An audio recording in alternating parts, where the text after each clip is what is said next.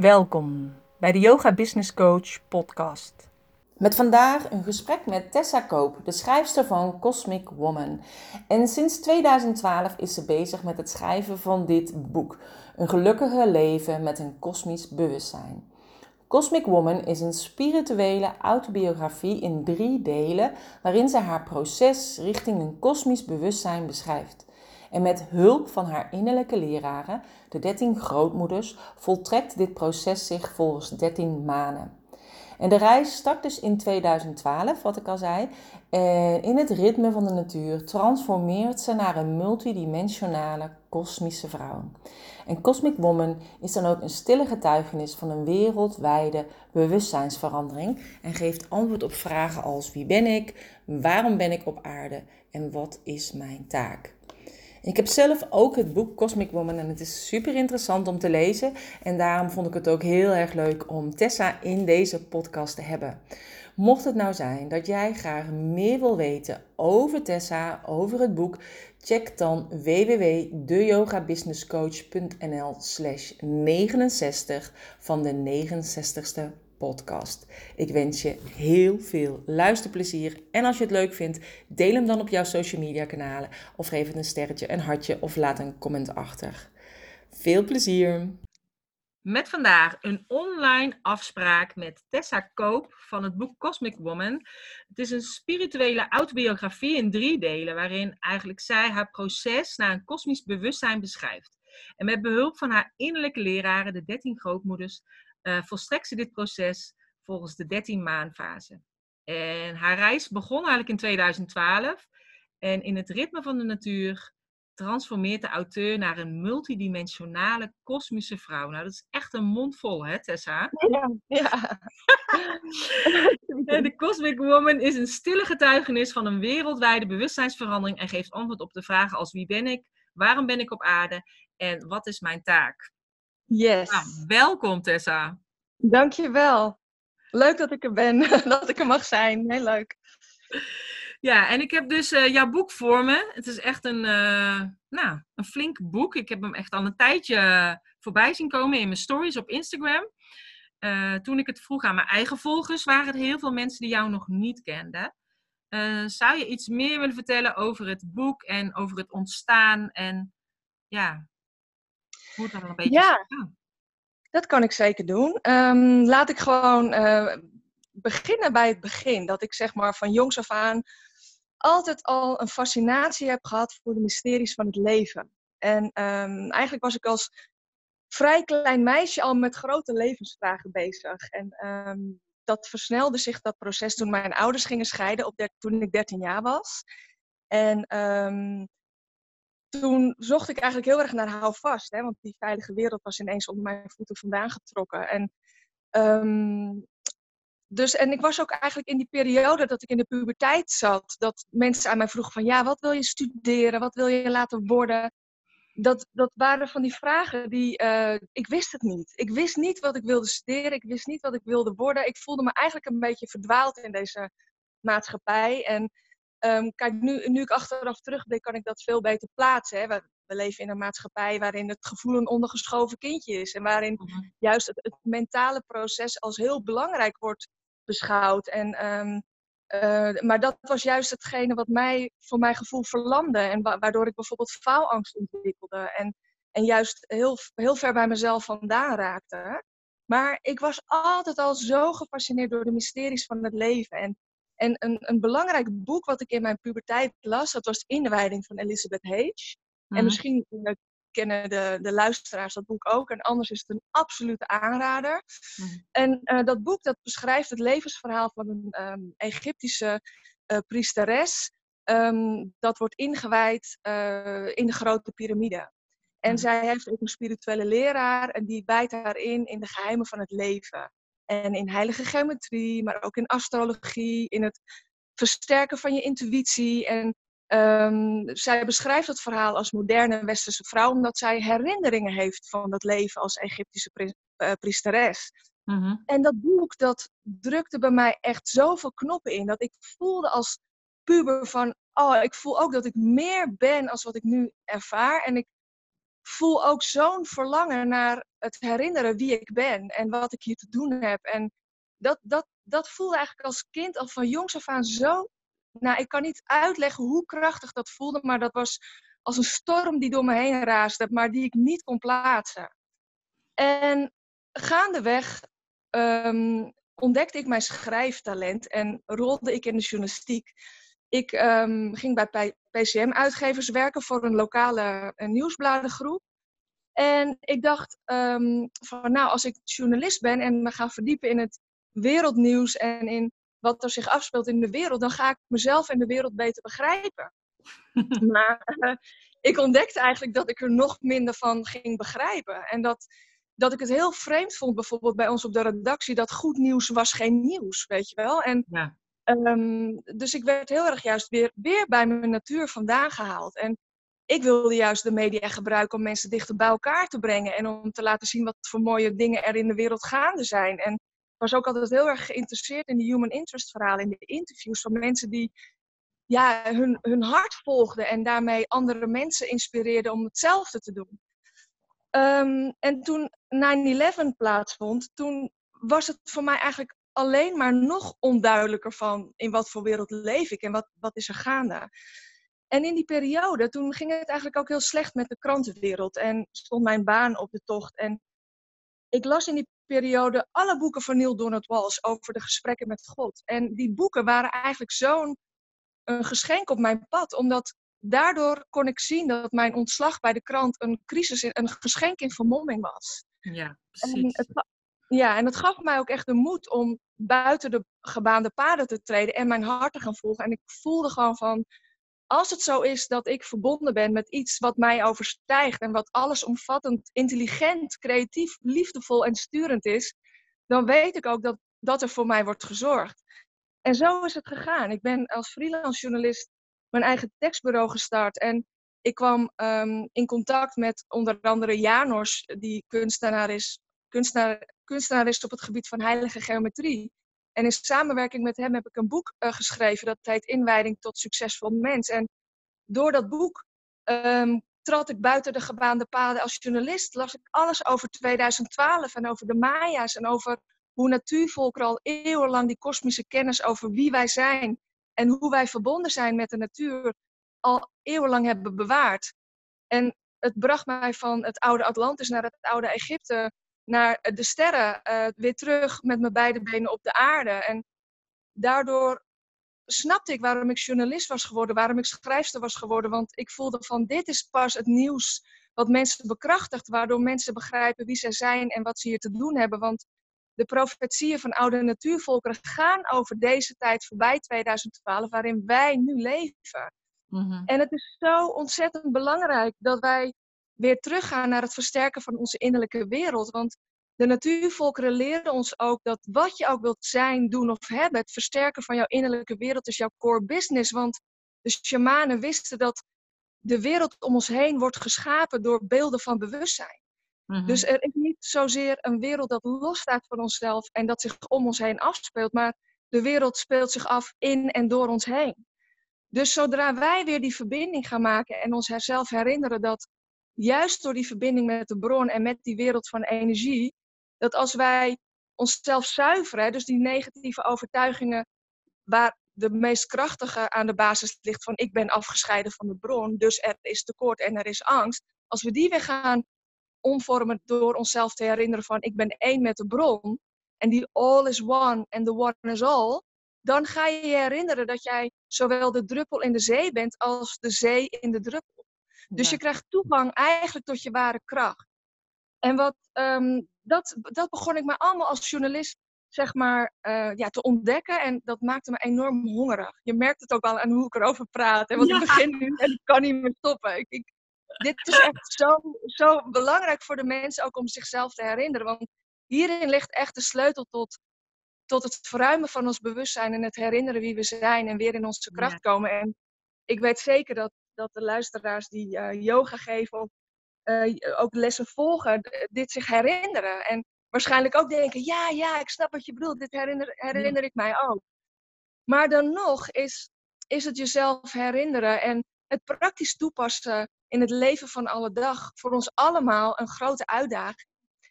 En dat komt omdat we eigenlijk ook uh, de werkwijze en de rol van ons ego dienen te begrijpen en dienen te herinneren.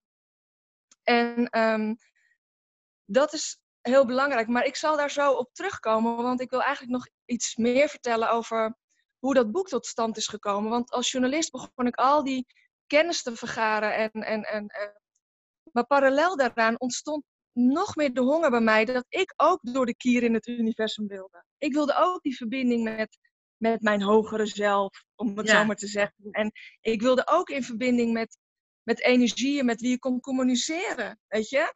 En um, eigenlijk zou je kunnen zeggen dat zo'n transformatieproces waar we als mensen doorheen gaan en de tijd waarin we leven, zich globaal kenmerkt door drie fases. Je gaat allereerst in de eerste fase ontdekken dat niets in de wereld is wat het lijkt. Dus je gaat op onderzoek uit en je ontdekt dat het nieuws niet is wat het is. Dat er nog een nieuws achter het nieuws gaande is. En dat de media een enorm machtige tool zijn om ons mensen op een bepaalde frequentie te houden. Ja. En als je je dat gaat herinneren, um, maar het niet um, beschouwt als een station waar je moet blijven hangen omdat je verbitterd raakt en teleurgesteld raakt dat niets in de wereld is wat het lijkt, dan ga je op een gegeven moment herinneren van, hé, hey, maar als ik mezelf wel weer ga herinneren wie ik ben, dus ik ga de stilte opzoeken en ik ga yoga doen en ik verbind mij met mijn essentie, dan ontstaat er een ander proces in de transformatie, namelijk fase 2, waarin je je gaat verbinden met de natuur, met, met het organische groeiproces, met, um, met onthaasten, met dicht bij zelf blijven, met um, je eigen grenzen aangeven, je eigen heilige ruimte betreden, um, je eigen verbinding met de onzichtbare wereld, die is verbonden aan de vrouwelijke energie, weer gaat hervinden en herinneren. En dan in fase 3, dan ga je eigenlijk als het ware actief in verbinding treden met je hogere zelf. Je gaat je merkt dat ook andere energieën verbinding met jou maken en met jou communiceren en jou begeleiden op jouw pad om, om de weg voor jou zo makkelijker te maken, omdat zij het ruimere perspectief hebben. En dat ruimere perspectief, dat is iets wat het ego zeg maar is vergeten, omdat het ego heeft ongemerkt de taken van de vrouwelijke intuïtie overgenomen. Het ego die wil zo graag tien stappen vooruit denken, maar het ego kan eigenlijk alleen weten wat er nu is gebeurd en wat er is gebeurd in het verleden. En het is zo belangrijk om um, te snappen dat je ego die taken van je intuïtie ongemerkt heeft overgenomen, zodat het gaat begrijpen van hé, hey, dus mijn intuïtie heeft een ruimere perspectief. Dus als ik mij afstem op mijn intuïtie, dan wordt het van edging God out, dus dat noem ik het oude ego, embrace God oneness, het nieuwe ego. En dan krijgt het ego eigenlijk ook een nieuwe rol. Het wordt meer een dienaar van de ziel.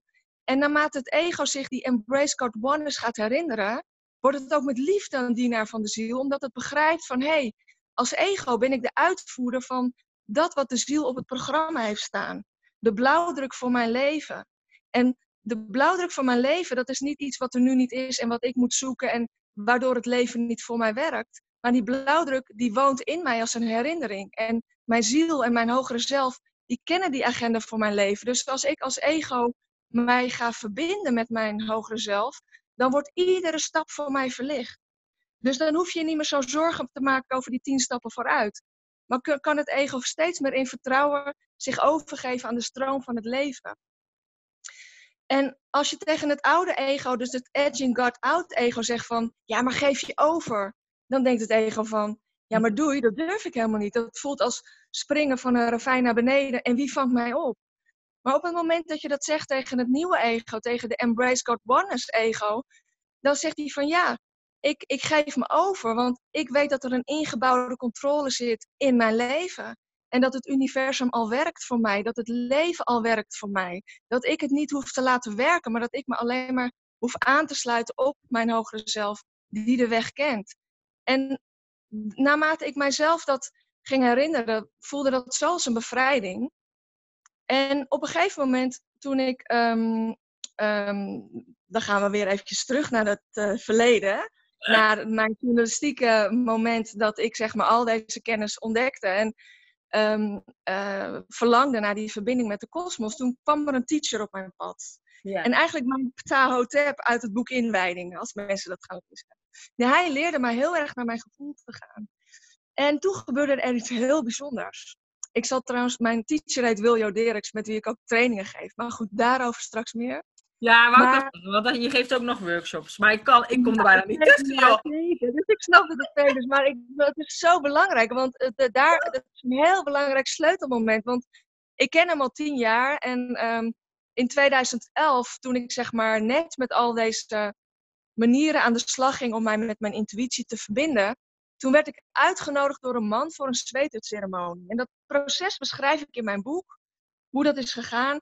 En die man wilde namelijk dat ik webteksten voor hem ging schrijven voor zijn website, omdat hij um, shamanen uit, uit de regenwouden en zo uitnodigt hier in het Westen om ons, ons Westelingen weer te herinneren, onze, onze verbinding met Moeder Aarde te herstellen. Ja. En ik ging die zweetceremonie doen en ik had ja, nog niet echt een idee van wat het precies inhield. En ik was daar nooit zo heel erg mee bezig. Um, ik was meer gericht op de sterren. En um, ik was niet zo bezig met indianen en natuurvolkeren en zweetceremonies. Maar ik deed die zweetceremonie en um, dat was op zich een hele aardse ervaring, want het is heel heet in zo'n lodge. En moet alle zeilen bijzetten om niet naar buiten te willen rennen, zeg maar. Maar um, in die zomer, uh, want het, was in het voorjaar van 2011 en in de zomer daarna ging ik op vakantie in Zuid-Frankrijk. Ging ik op een gegeven moment joggen, want dat deed ik iedere ochtend. En toen begon er iets wat mijn leven heeft veranderd en wat ook heeft geleid tot het, tot het boek Cosmic Woman. Ik hoorde een groepsenergie spreken in mijn gedachten en zij noemde zich de 13 grootmoeders. En ik had nog nooit van 13 grootmoeders gehoord.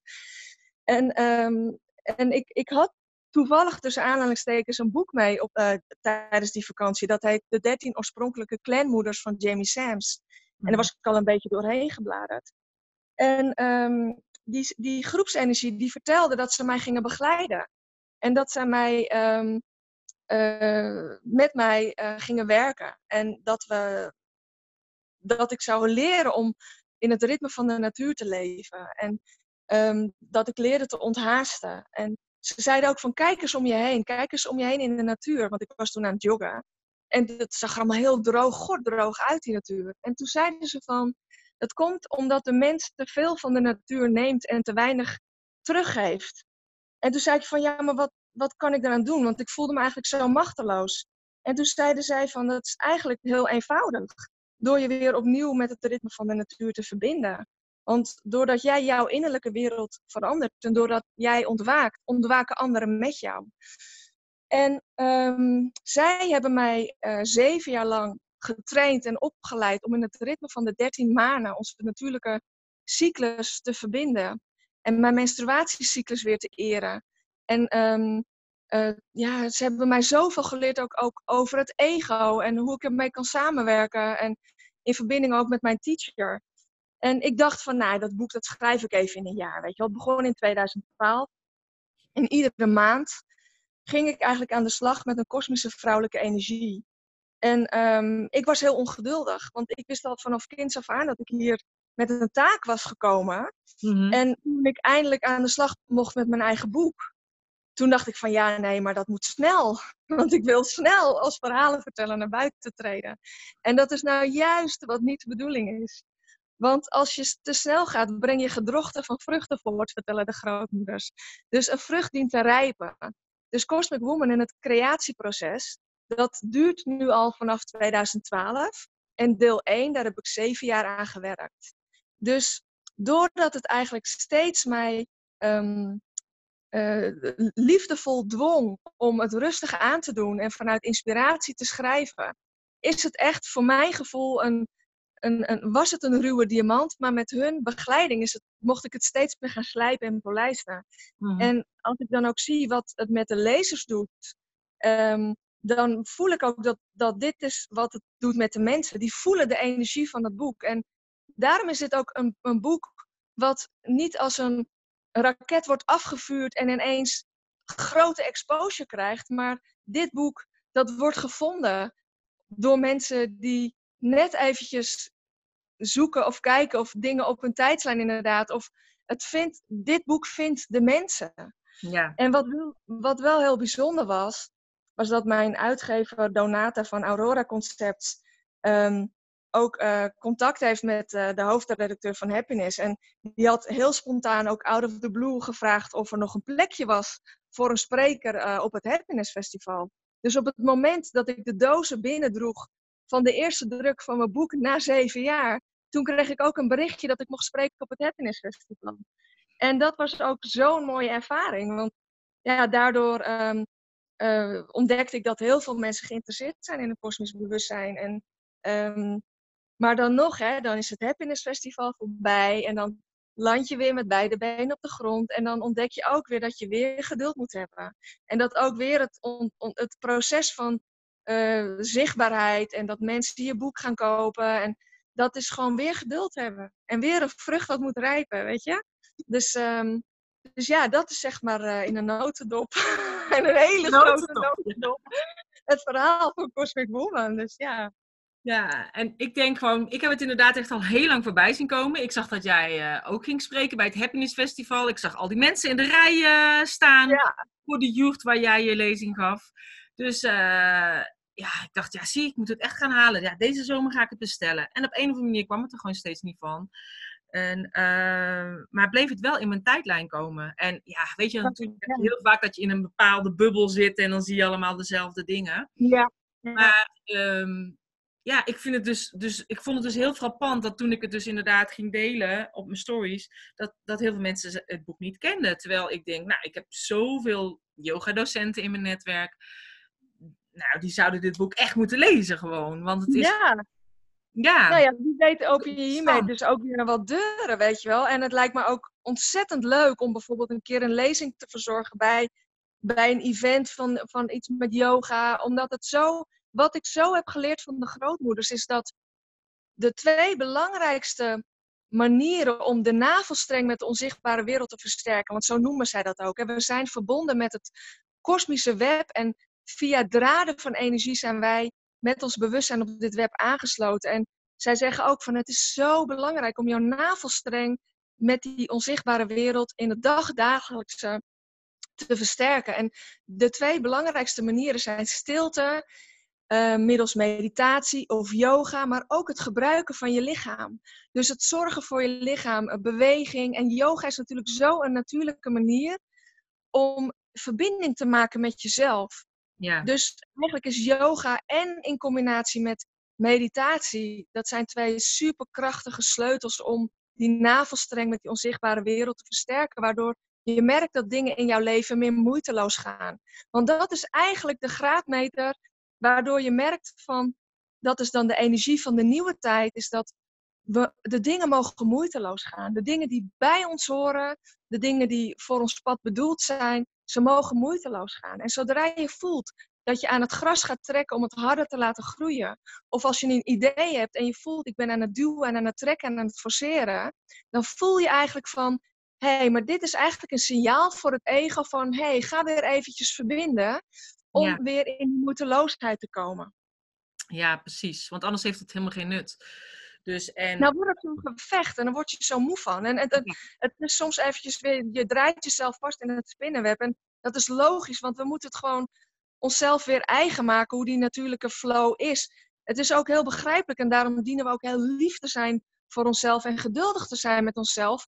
Omdat wij zijn hier geboren in de mannelijke energietijd, om het zo maar te zeggen. En we ik, ik geloof dat wij hier als um, zielen, zeker voor de mensen die nu luisteren en die hiermee resoneren, wij hebben er op zielsniveau voor gekozen om hier in deze tijdslijn te incarneren, om onszelf te herinneren dat wij eigenlijk um, sterren gebonden aan een lichaam zijn, dat we stralende zonnen zijn. En er is ongelooflijk veel moed voor nodig om als ziel op deze tijdslijn af te dalen, want je weet eigenlijk van ik ga het eerst vergeten voordat ik het ga herinneren. Dus je moet wel een ontzettende sterke ziel zijn om hier te incarneren. Ja. Dus, dus we dienen gewoon zo lief voor onszelf te zijn. En yoga is een ultieme zelfliefde manier om weer um, in het ritme van de natuur te komen. En het hoort bij de reis. Ja. Het, het, ja, het in balans brengen van yin en yang hoort bij de reis. Dus je kunt het ook niet perfect doen. Het, het, het, het, dat hoeft ook helemaal niet. Het, het, part of the, the journey, zeg maar. Ja, en dat, van die mannelijke energie, dat herken ik ook wel heel veel, omdat we heel veel dingen neerzetten dat is echt natuurlijk dat mannelijke. En we mogen allemaal meer verzachten in die vrouwelijke energie. En zacht worden aan onszelf. En aan de ene kant hè, is natuurlijk het feminisme wat helemaal is opgekomen. En als ik nu ook kijk, afgelopen zaterdag, mijn dochter aan het voetballen. Uh, die is keeper. Er zijn zoveel meiden-elftallen. Dat ik denk, nou vroeger, ja. toen ik zo oud was, was één meisje of zo wat in het uh, elftal zat. Dus ja. Um, ja. ja, mooi hè? Het geeft ook eigenlijk aan dat die mannelijke en die vrouwelijke energie in onszelf um, weer gaat verbinden. En wat er dan gebeurt is dat je tegenstellingen overstijgt. Ja. En de grootmoeders zeggen dan ook, dan ontstaat de derde energie. En dat is het allesomvattende bewustzijn. En die derde energie die vrijkomt als het mannelijk en het vrouwelijk in balans komt, dat is eigenlijk wat zorgt voor die moeiteloosheid en voor het scheppingsproces en voor het versterken van je intuïtie. En het is wel heel mooi dat meiden meer gaan voetballen als ze dat maar doen als vrouwelijke vrouw en niet als vrouw die willen vermannelijken. Want die hebben we genoeg. We dienen wel nee, vrouwelijke vrouwen. Ik vind allemaal wel vrouwelijke vrouwen die daar aan het voetballen waren. Dus dat is ook mooi, super grappig om te zien. En dat ik dacht, lijkt wel of hier meer meidenteams rondlopen dan uh, jongensteams. Dus dat vond ik wel grappig. Ja, mooi hè? Ja. Maar even kijken, want over jouw boek, hè? Dus jij zei het is, een, het is een trilogie, dus het bestaat eigenlijk uit verschillende delen. Dus mhm. kun je daar nog even kort iets over vertellen? Jazeker. Nee, ik zal het kort zeggen. Nou, er zijn inderdaad drie delen en dat ontdekte ik gaandeweg het creatieproces. Ik wist het niet van tevoren. Um, deel 1 beschrijft vooral mijn persoonlijke reis. Hoe ik zeg maar ontwaak en hoe ik met alle uh, beste bedoelingen, zeg maar, gewoon weer in het ritme van de natuur kom met vallen en opstaan. En hoe de grootmoeders daarmee, mij daarbij helpen. Ja. Dan heb je deel 2, is eigenlijk de dertiende maanfase. De dertiende maanfase is eigenlijk de stip in de cirkel en de twaalf andere manen draaien daaromheen. Dus 13 omvat oneness. Zodra ik in, toen ik steeds meer in die, ook de dertiende maanfase terecht kwam, um, kreeg ik eigenlijk um, herinneringen over het verleden, over ons ware verleden. Dus daarin noem ik onszelf eigenlijk ook uh, geschiedenisschrijvers van de toekomst. Want we gaan onze geschiedenis letterlijk herschrijven. En in deel 2 vertel ik heel erg over het oude Egypte, Atlantis. Um, en vertaal ik dat door naar de nieuwe tijd. Um, dus eigenlijk is deel 2, deel 1 heet Gelukkige leven met een kosmisch bewustzijn. Deel 2 heet Mysteries ontrafelen met een kosmisch bewustzijn. Um, en in deel 3 is het jezelf bevrijden met een kosmisch bewustzijn. In deel 3 is een handleiding. Ik reik alle tools en al mijn gouden schatten aan voor jou om jouw reis te vergemakkelijken. En om heel praktisch met deze uh, eh, 12 plus 1 energie, om het zo maar te zeggen, in het leven van alle dag aan de slag te gaan. Om weer de verbinding met de vrouwelijke energie in balans met het mannelijke, ja, uh, voor jezelf um, te laten ontvouwen. Ja, en dus ook meer af te stemmen op je intuïtie. Zeker, ja. Ja, omdat ik denk, ja, er zijn altijd heel veel mensen die denken, ja, dat wil ik ook. Ik wil ook kunnen communiceren met ja of de volkeren. Of, maar hoe doe ik dat? En uiteindelijk is dat eigenlijk altijd door dicht bij jezelf te blijven, door goed geaard te zijn. En uh, alleen dan kan je je daarvoor openstellen. Ja, nee, daar wil ik eigenlijk nog wel iets over zeggen. Want het ego wil eigenlijk heel snel opstijgen en vliegen. Hè? Voor het ego klinkt dit als muziek in de oren, als een kind in een snoepwinkel. Je wilt meer van die magie. Maar wat zo belangrijk is, is voordat je kunt opstijgen en vliegen, dat je weet waar sta ik nu? Sta ik in het midden van de cirkel? Of zwerf ik om de cirkel heen. Weet je, dus richt ik mij te veel op de wereld buiten mij, of ga ik inderdaad naar het midden van de cirkel en richt ik mij op mijn innerlijke wereld. Wat ik daarbij van de grootmoeders leer, is dat iedereen heeft in feite zijn of haar verbinding met de onzichtbare wereld. Iedereen heeft zijn eigen spirit team. Maar je krijgt, zeg maar, datgene wat past bij jouw blauwdruk. Oké, en toen was er in één keer iets mis met de laptop en uh, werd het interview in één keer gestopt. Dus waar uh, waren we precies gebleven? Ik vroeg me dus eigenlijk af hoe het precies zat met die intuïtie. Hè? Dus jij zegt, oké, in dat derde deel hebben we het ook over die intuïtie, hoe je dat verder kunt ontwikkelen. Daarmee moet je meer hè, die balans vinden tussen het mannelijke en die vrouwelijke energie. Ja. Nou ja, wat heel belangrijk is om jezelf zeg maar te, te herinneren, is dat um, de vrouwelijke energie is verbonden met de onzichtbare wereld. En ook de mannelijke energie komt voort uit de vrouw. Dus dat vond ik zelf zeg maar een enorme eye-opener. Want ik was altijd een beetje aan het stoeien met God, de vader. En wie is dan God, de moeder? En hoe, hoe, hoe moet ik dat zien? En je hebt natuurlijk dat yin-yang teken waarin uh, beide polariteiten rusten in eenheid. Hè? En um, dat is het ultieme, eh, de ultieme realiteit. Dat is het zijn. Maar het zijn kan zichzelf pas ervaren als er beweging is. Dus als het mannelijke en het vrouwelijke um, twee verschillende energieën zijn. Dus um, wat wij zeg maar in de westerse samenleving heel erg hebben gedaan, is ons geïdentificeerd met ons verstand en met wie wij denken te zijn. En wie wij denken te zijn, dat is ja, volgestopt vanuit school en, en de media, dat er afscheiding is en dat, er, uh, dat, dat je gescheiden bent van, van de mens, hè, dat het wij tegenover zij is. Terwijl als je gaat herinneren dat alles energie is, dus think energy, dan verandert je wereld compleet. Dan is het net alsof je zeg maar al die tijd op 4% van je vermogens hebt gedraaid en je pakt er ineens 96% bij. Hmm. Dus zo groot is de impact als je je perspectief verschuift naar het midden van de cirkel in plaats van de buitenste rand van de cirkel.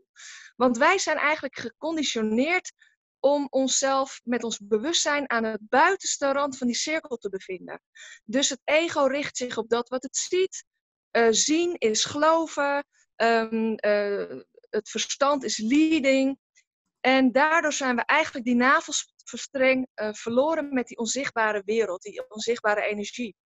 En op het moment dat je je bewustzijn weer naar het midden van de cirkel verplaatst, waar het mannelijke en het vrouwelijke in balans zijn, dan gebeurt er eigenlijk iets magisch. Want dan ga je jezelf herinneren dat je leeft in een wereld van energie en dat, jou, um, uh, dat jij zeg maar um, dat, dat wat je zegt maar ziet in die materiële buitenwereld een illusie is. En op het moment dat jij gelooft dat die illusie echt is, dan zit je eigenlijk vast in een soort realiteit uh, die de, die de Maya's ook Maya noemen. Maar op het moment dat jij met je bewustzijn naar het midden van de cirkel gaat en de illusie als de illusie ziet, dan ontdek je dat het een realiteit is waar je op kunt afstemmen. Dus dan ga je met de illusie spelen. Maar ik kan me voorstellen dat, dat je me nu kwijt bent. dat, het, dat het veel is om, om, om te bevatten. Nou, ik heb, eigenlijk... je, ik heb je boek al gelezen, dus het is inderdaad soms echt sommige dingen even teruglezen. Ja. Maar ik, weet je, ik snap het wel. En dat is het. Weet je, het voelt... Kijk, wat, wat, wat de grootmoeders ook echt zeggen van... De illusie lijkt alleen echt omdat jij gelooft dat die echt is. Zodra jij, zeg maar... Um, en, de, en, en met de illusie bedoel ik eigenlijk ook vooral op basis van die oude overtuigingen van... van er is afscheiding, er is tekort, um, ik, ik, um, ik ben onwetend. Uh, dat soort overtuigingen, dat, daardoor, als jij dat gelooft, dan lijkt die illusie zo echt en dan zeggen de grootmoeders ook van, dan fixeert de realiteit zich. Want energie kun je zien in gradaties. Als die materiële wereld ijs is, dan is de wereld verbonden aan um, ook de vrouwelijke energie en je intuïtie, eigenlijk stoom.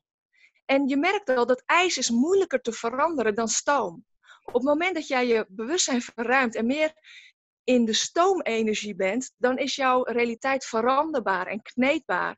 En dan bepaal jij wie jij bent, want jij herinnert je van ik ben één met de bron, ik ben de zee in de druppel en de druppel in de zee. Dus dan herinner jij je ware kracht en dan merk je dat als jij een situatie in jouw leven wilt veranderen, dan hoef je alleen maar jouw staat van zijn te veranderen. En ja. dat doe je door anders naar de dingen te kijken.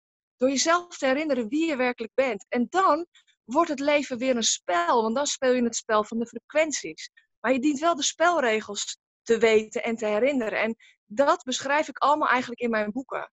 Eigenlijk zorg ik ervoor dat um, ik voel het als mijn taak en dat is mijn passie om mensen eigenlijk weer zichzelf te helpen bekrachtigen door te herinneren wie ze zijn. En door de spelregels uit te leggen. Dat het leven weer een spel wordt in plaats van als een worsteling en een gevecht. En dat de realiteit voelt als een ijzeren deur waar je steeds tegen aanvliegt en waar je weer keihard mee op je neus gaat, weet je wel? Ja. Dus, um, en daar zijn gewoon hele praktische tools voor. En het begint er allereerst mee dat je weet wat de werkwijze van je ego is. Je kunt niet je ego passeren of zeggen van het ego is slecht en het moet dood. Wat je wel eens in sommige spirituele boeken van vroeger leest, van het ego moet dood en het is slecht. Nee, want het ego is ook een tool van creatie om te ervaren wie jij bent. Dus je, ze zeggen, de grootmoeders zeggen bijvoorbeeld van keep your friends close, but your ego closer. Het ego is eigenlijk als een kind wat je aan de hand mag meenemen om uit te leggen wat er gebeurt. En het kind was vroeger in de oude realiteit verdwaald, want het zag zijn vader en zijn moeder niet. Dus dan gaat het allerlei beschermingsmechanismes opgooien om in die wereld te kunnen overleven. dat zie je ook heel erg, dat onze mensen zijn heel erg gericht op overleving. En de prikkels van buitenaf, die, die, die zorgen ervoor dat ze een speelbal zijn van de buitenwereld. Maar op het moment dat het kind eigenlijk weer weet en zich herinnert dat het een vader en een moeder heeft, wat verbonden is aan die wereld van energie, en dat die energie jouw blauwdruk kent, en dat je wordt verzorgd, beschermd, begeleid, en dat jij overvloed bent, en dat alles wat jij dient te weten aan jou wordt onthuld, en dat alles wat jij nodig hebt naar jou toe komt, dan kan het kind zich veel meer daaraan overgeven. Dan is het eigenlijk geen wees meer, maar dan is het weer thuis bij zijn vader en moeder. Dus het ego heeft eigenlijk in het begin van dit proces van een kosmisch bewustzijn, waarin je eigenlijk leeft in een wereld van energie, is het eigenlijk de allerbelangrijkste stap om weer vrienden te worden met je ego en het eigenlijk heel dicht bij jezelf te houden, om alles uit te leggen wat er gebeurt en ook te luisteren naar het ego van, maar waar ben je dan bang voor? Waar wil je controle over hebben? Wat is het ergste wat er kan gebeuren? Welke overtuiging ligt eraan ten grondslag? En welke overtuiging heeft zijn houdbaarheidsdatum overschreden? Welke mag je loslaten omdat je je weer herinnert van jij bent overvloed? Alles is één en met elkaar verbonden. Dus wat de grootmoeders mij ook heel erg leren is om alles in je, in je cirkel te plaatsen, in je heilige cirkel. Want het medicijnwiel is ook eigenlijk de cirkel van het leven. Energie draait altijd rond in spiralen. Dus daarom is de, de, het medicijnwiel voor de natuurvolkeren heilig. Omdat het eigenlijk een soort afspiegeling is van de kosmos hier op aarde. Je hoeft maar een boom door te zagen om te zien dat het leven zich in spiralen, in cirkels beweegt. En dus als jij zeg maar een probleem hebt of een uitdaging of je wilt inzicht op een, op een vraag waar je mee rondloopt, dan zeggen de grootmoeders, leg het in je wiel. Leg het in je cirkel. Weet, het wordt gezien, het wordt gehoord. En laat het rusten en vertrouw erop dat het antwoord op het juiste moment naar jou toe komt.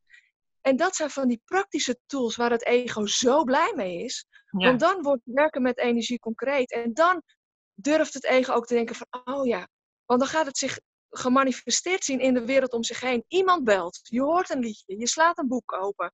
Uh, er gebeurt iets waardoor je synchroniciteit ervaart. Wat niets anders is dan het fysieke bewijs dat alles met elkaar verbonden is. En dat wat jij vraagt aan hulp, wat jij nodig hebt, dat het vraagt en het wordt gegeven. Weet je wel? Het is zo'n oude uitspraak. Maar het werkt ook echt zo. Maar je moet zo. ja, je moet weer even het perspectief van, ehm, van naar buiten gericht naar binnen gericht. Eventjes die, even alles omdraaien, weet je wel. En dan gaat het weer stromen. Ja, en ik denk ook, weet je wel, het vragen het wordt je gegeven. Ik heb het toevallig met mijn event er nog over gehad. Dat je heel vaak hebt van, uh, ja, kinderen die vragen worden overgeslagen. Dat is waar we mee opgegroeid zijn. Ja. Maar het is juist dat doordat jij vraagt, weet een ander wat je nodig hebt. En kan die jou daarbij helpen. Want mensen willen graag elkaar helpen.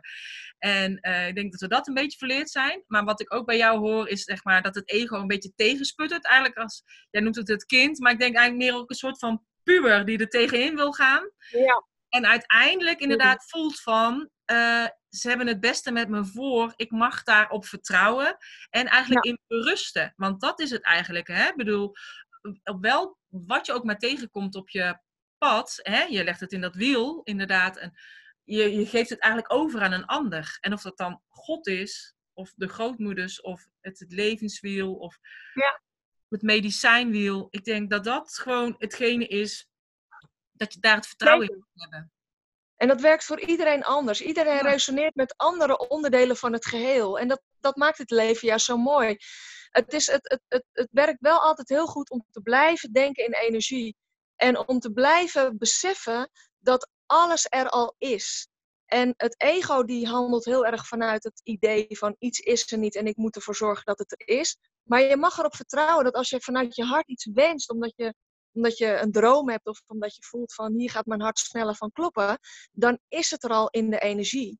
Dus de grootmoeders zeggen ook heel erg duidelijk van ehm, stem, stem, je af op de frequentie van het, hetgeen jij wilt hebben. Hè? Van be the energy you want to attract.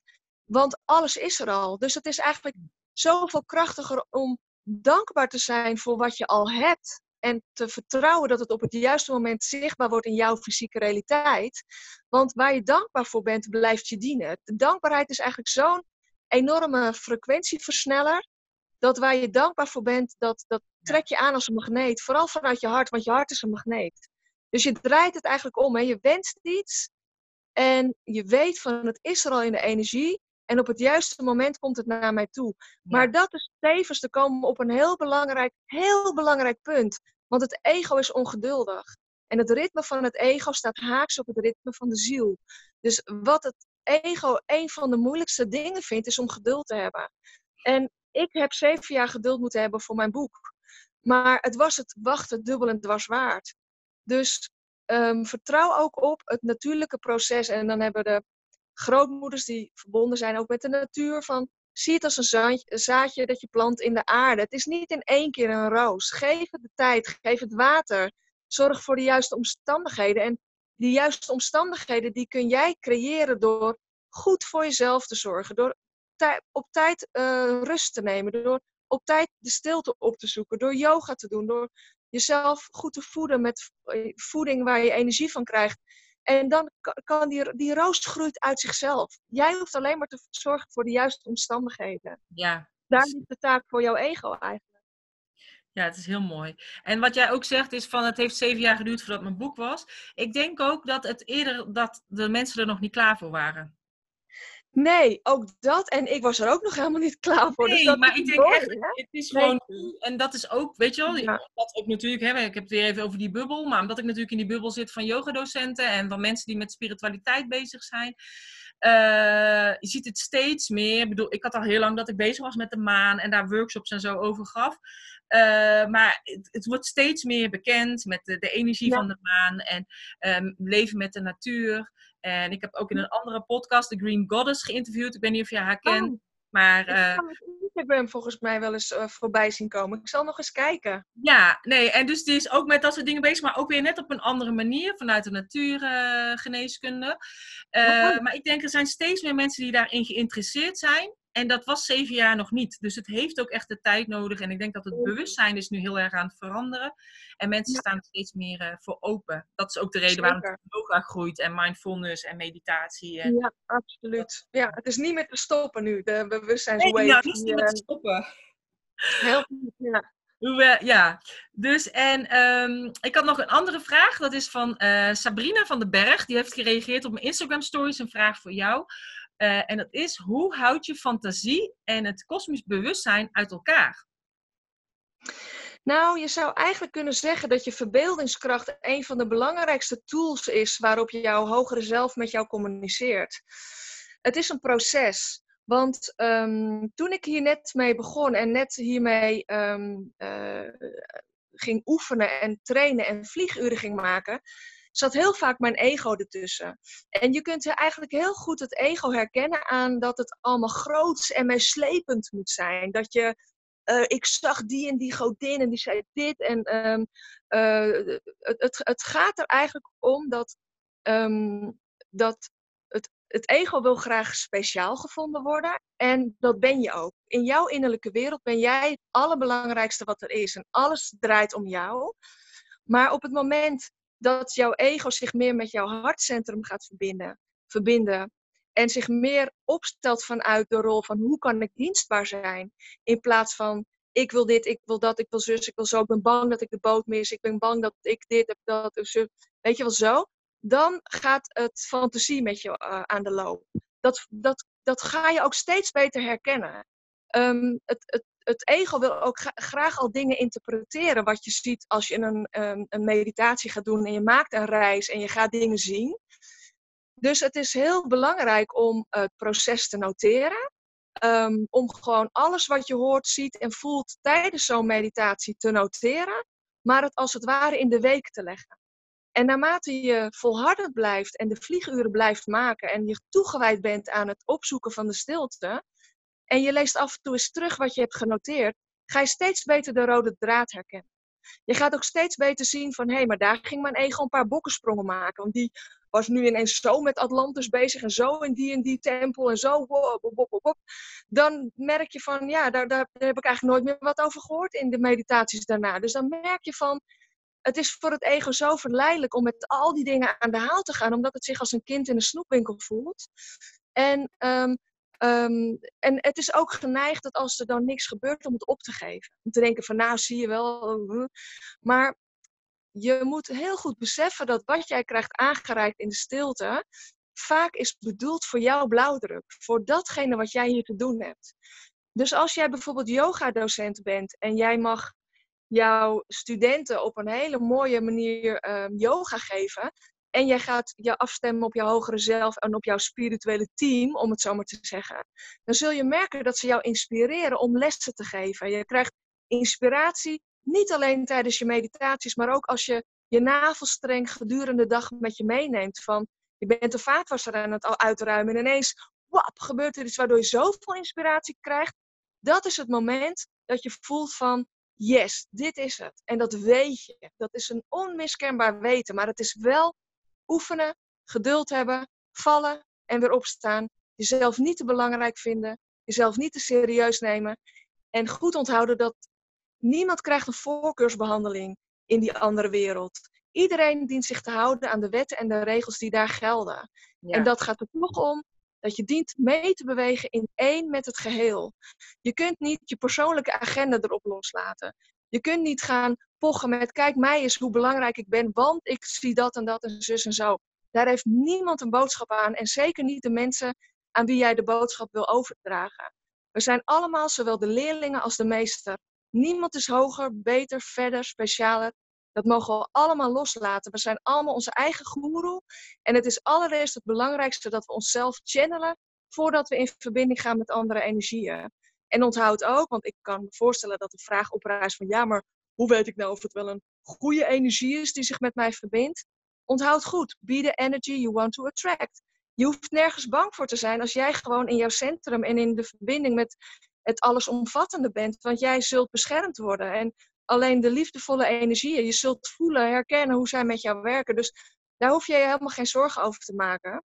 En um, ja, wees bescheiden en uh, awareness makes us modest. Weet je? Dus dat is juist, het is juist zo mooi dat als je je ego embrace God oneness gaat toepassen, dan ontdek je eigenlijk dat het niet jij is die het doet, maar de vader en moeder die door jou heen stroomt. Het is die kosmische energie die in en door jou heen stroomt, wat ons tot van gewone mensen tot buitengewone mensen maakt.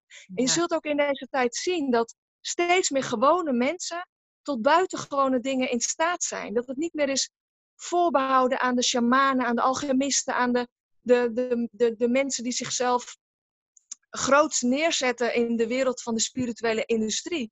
Want het gaat er juist om dat als je jezelf herinnert dat jij één bent met de bron en juist met je ego een stapje opzij doet om die energie door je heen te laten werken, dat dat hetgene is waardoor jij beseft hoe groot jij bent en hoe belangrijk jij bent en hoe kostbaar jij bent. Dus het is zo belangrijk om wederom te ontdekken wat de werkwijze is van het ego. Want dat wil heel graag snel opstijgen en vliegen en bijzonder en speciaal gevonden worden. Dus ook juist in de, in de wereld van de spiritualiteit zijn het juist ook heel veel ego's die opereren. En dat geeft niet, want we moeten toch allemaal groeien met vallen en opstaan. Het is ook geen oordeel, het is meer een constatering. Blijf gewoon dicht bij jezelf. Ja. Blijf dicht bij je eigen hart en voel wat voor jou het pad is om te, te volgen en de mensen die jou inspireren. En, en ga nooit iemand op een voetstuk zetten. Denk nooit dat iemand anders het beter weet dan jij, want dat is juist de sleutel. Dat het juist jouw innerlijke weten is die ontwaakt in jou. En ik ontwaak en daardoor ontwaak jij. Maar dat is uiteindelijk allemaal omdat het eenheid is wat zich met ons verbindt. Omdat het goddelijk ontwaakt in ons allemaal. Ja, en er is geen goed of fout, hè? Zolang je gewoon bij jezelf blijft. Het heeft geen nut om een ander te kopiëren of iets te zeggen wat diegene zegt. Maar inderdaad bij jezelf blijven. En ik vind het ook heel mooi dat jij aangaf bijvoorbeeld van die fantasie in het begin. Dat is eigenlijk die creatiekracht. Alles begint natuurlijk bij een idee, bij een droom, bij een wens. Dat is ook waarom iemand dacht, ik wil graag gaan vliegen. En uiteindelijk is er een vliegtuig gekomen. Die had ook nooit verwacht dat er nu zulke grote vliegtuigen uh, zouden vliegen. Maar alles begint wel daarbij. Um, even kijken, ik heb nog één uh, vraagje, zeg maar. Stel, als jij een yogamat zou zijn, hoe zou jij er dan uitzien?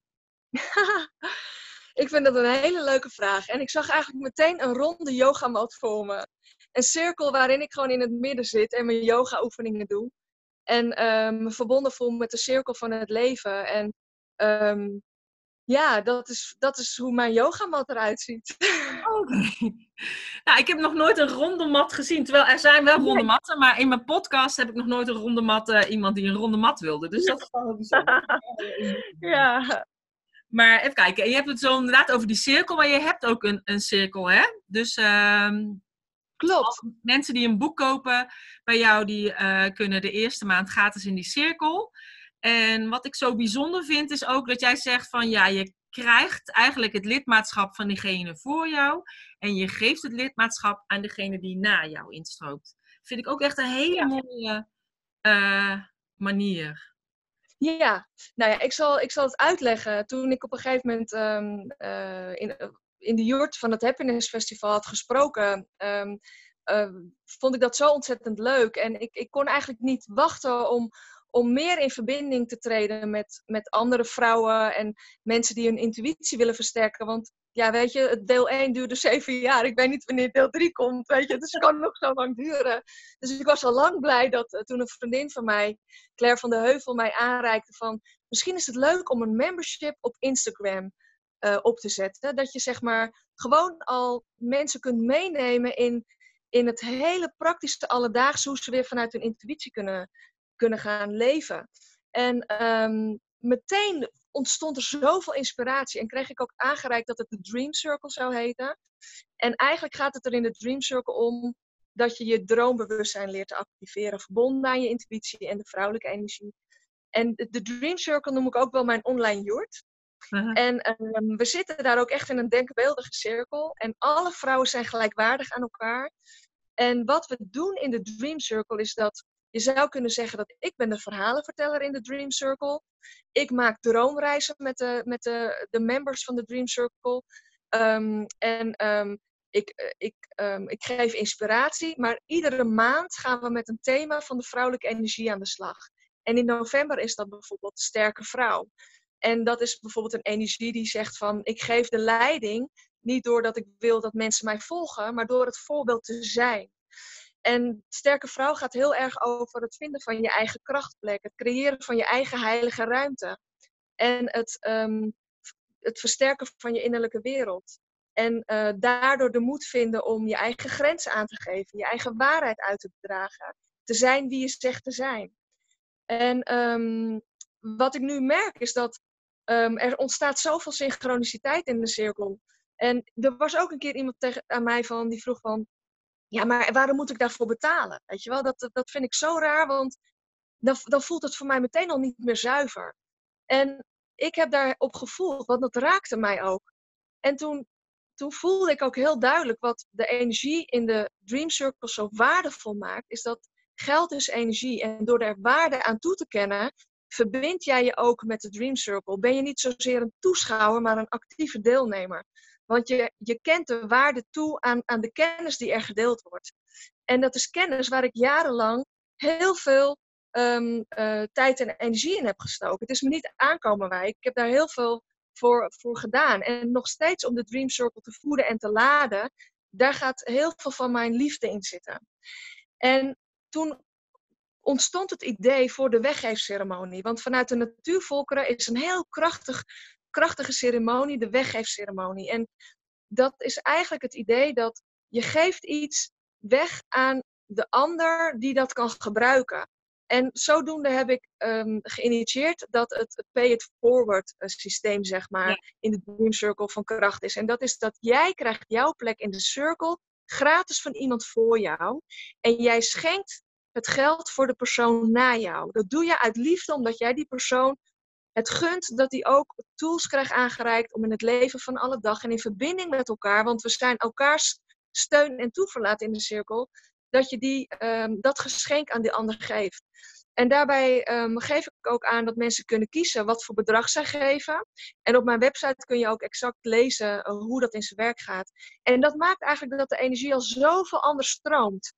Want het is zo heel fijn om iets voor een ander te doen en het op die manier aan iemand te schenken. Ja. Dus um, ja, dat vond ik uh, wel mooi. Ja, nee, supermooi. Nee, ik zal ook nog uh, de show notes maken voor bij deze podcast. En daar kunnen we ook allemaal je website en zo in zetten. En ook uh, ja. iemand idee en met jouw Instagram-account, zodat mensen je kunnen volgen. En ook voor je boek. Maar je geeft ook workshops, hè? dus het is misschien ook wel heel erg leuk als een yoga-docent denkt van, nou, misschien wel leuk bij mij in de studio dat ze contact met je nemen. Zeker, leuk. Dus um, nee, echt ja, ik vind het ontzettend leuk uh, om, uh, om een verhaal te mogen delen. Dus uh, dank je wel daarvoor. Ja, en ik vond het heel erg leuk dat je in de podcast was. Dus oké, okay, dank je wel. Doei, doeg. Doei. Ik hoop dat jij net zo genoten hebt als ik van dit gesprek. En uh, Tessa vertelt heel veel informatie. Nou, haar boek is ook super uitgebreid en het geeft zoveel inzichten. En daarom is het ook echt een aanrader. Dus misschien leuk om aan te schaffen. Zo voor de feestdagen. Nou, meer over Tessa en over haar boek vind je dus op www.deyogabusinesscoach.nl slash 69 van de 69ste podcast. En uh, als je dit een leuke podcast vindt, deel hem dan en laat het zien op je social media kanaal. Want alleen dankzij jouw hulp en als jij deelt en er meer luisteraars komen, uh, ja, kan ik ook doorgaan met deze podcast. Omdat ik het ook super tof vind om op deze manier mijn kennis te verspreiden en ook om interessante mensen te interviewen. Dus deel het vooral en dan ben ik je eeuwig dankbaar. Namaste.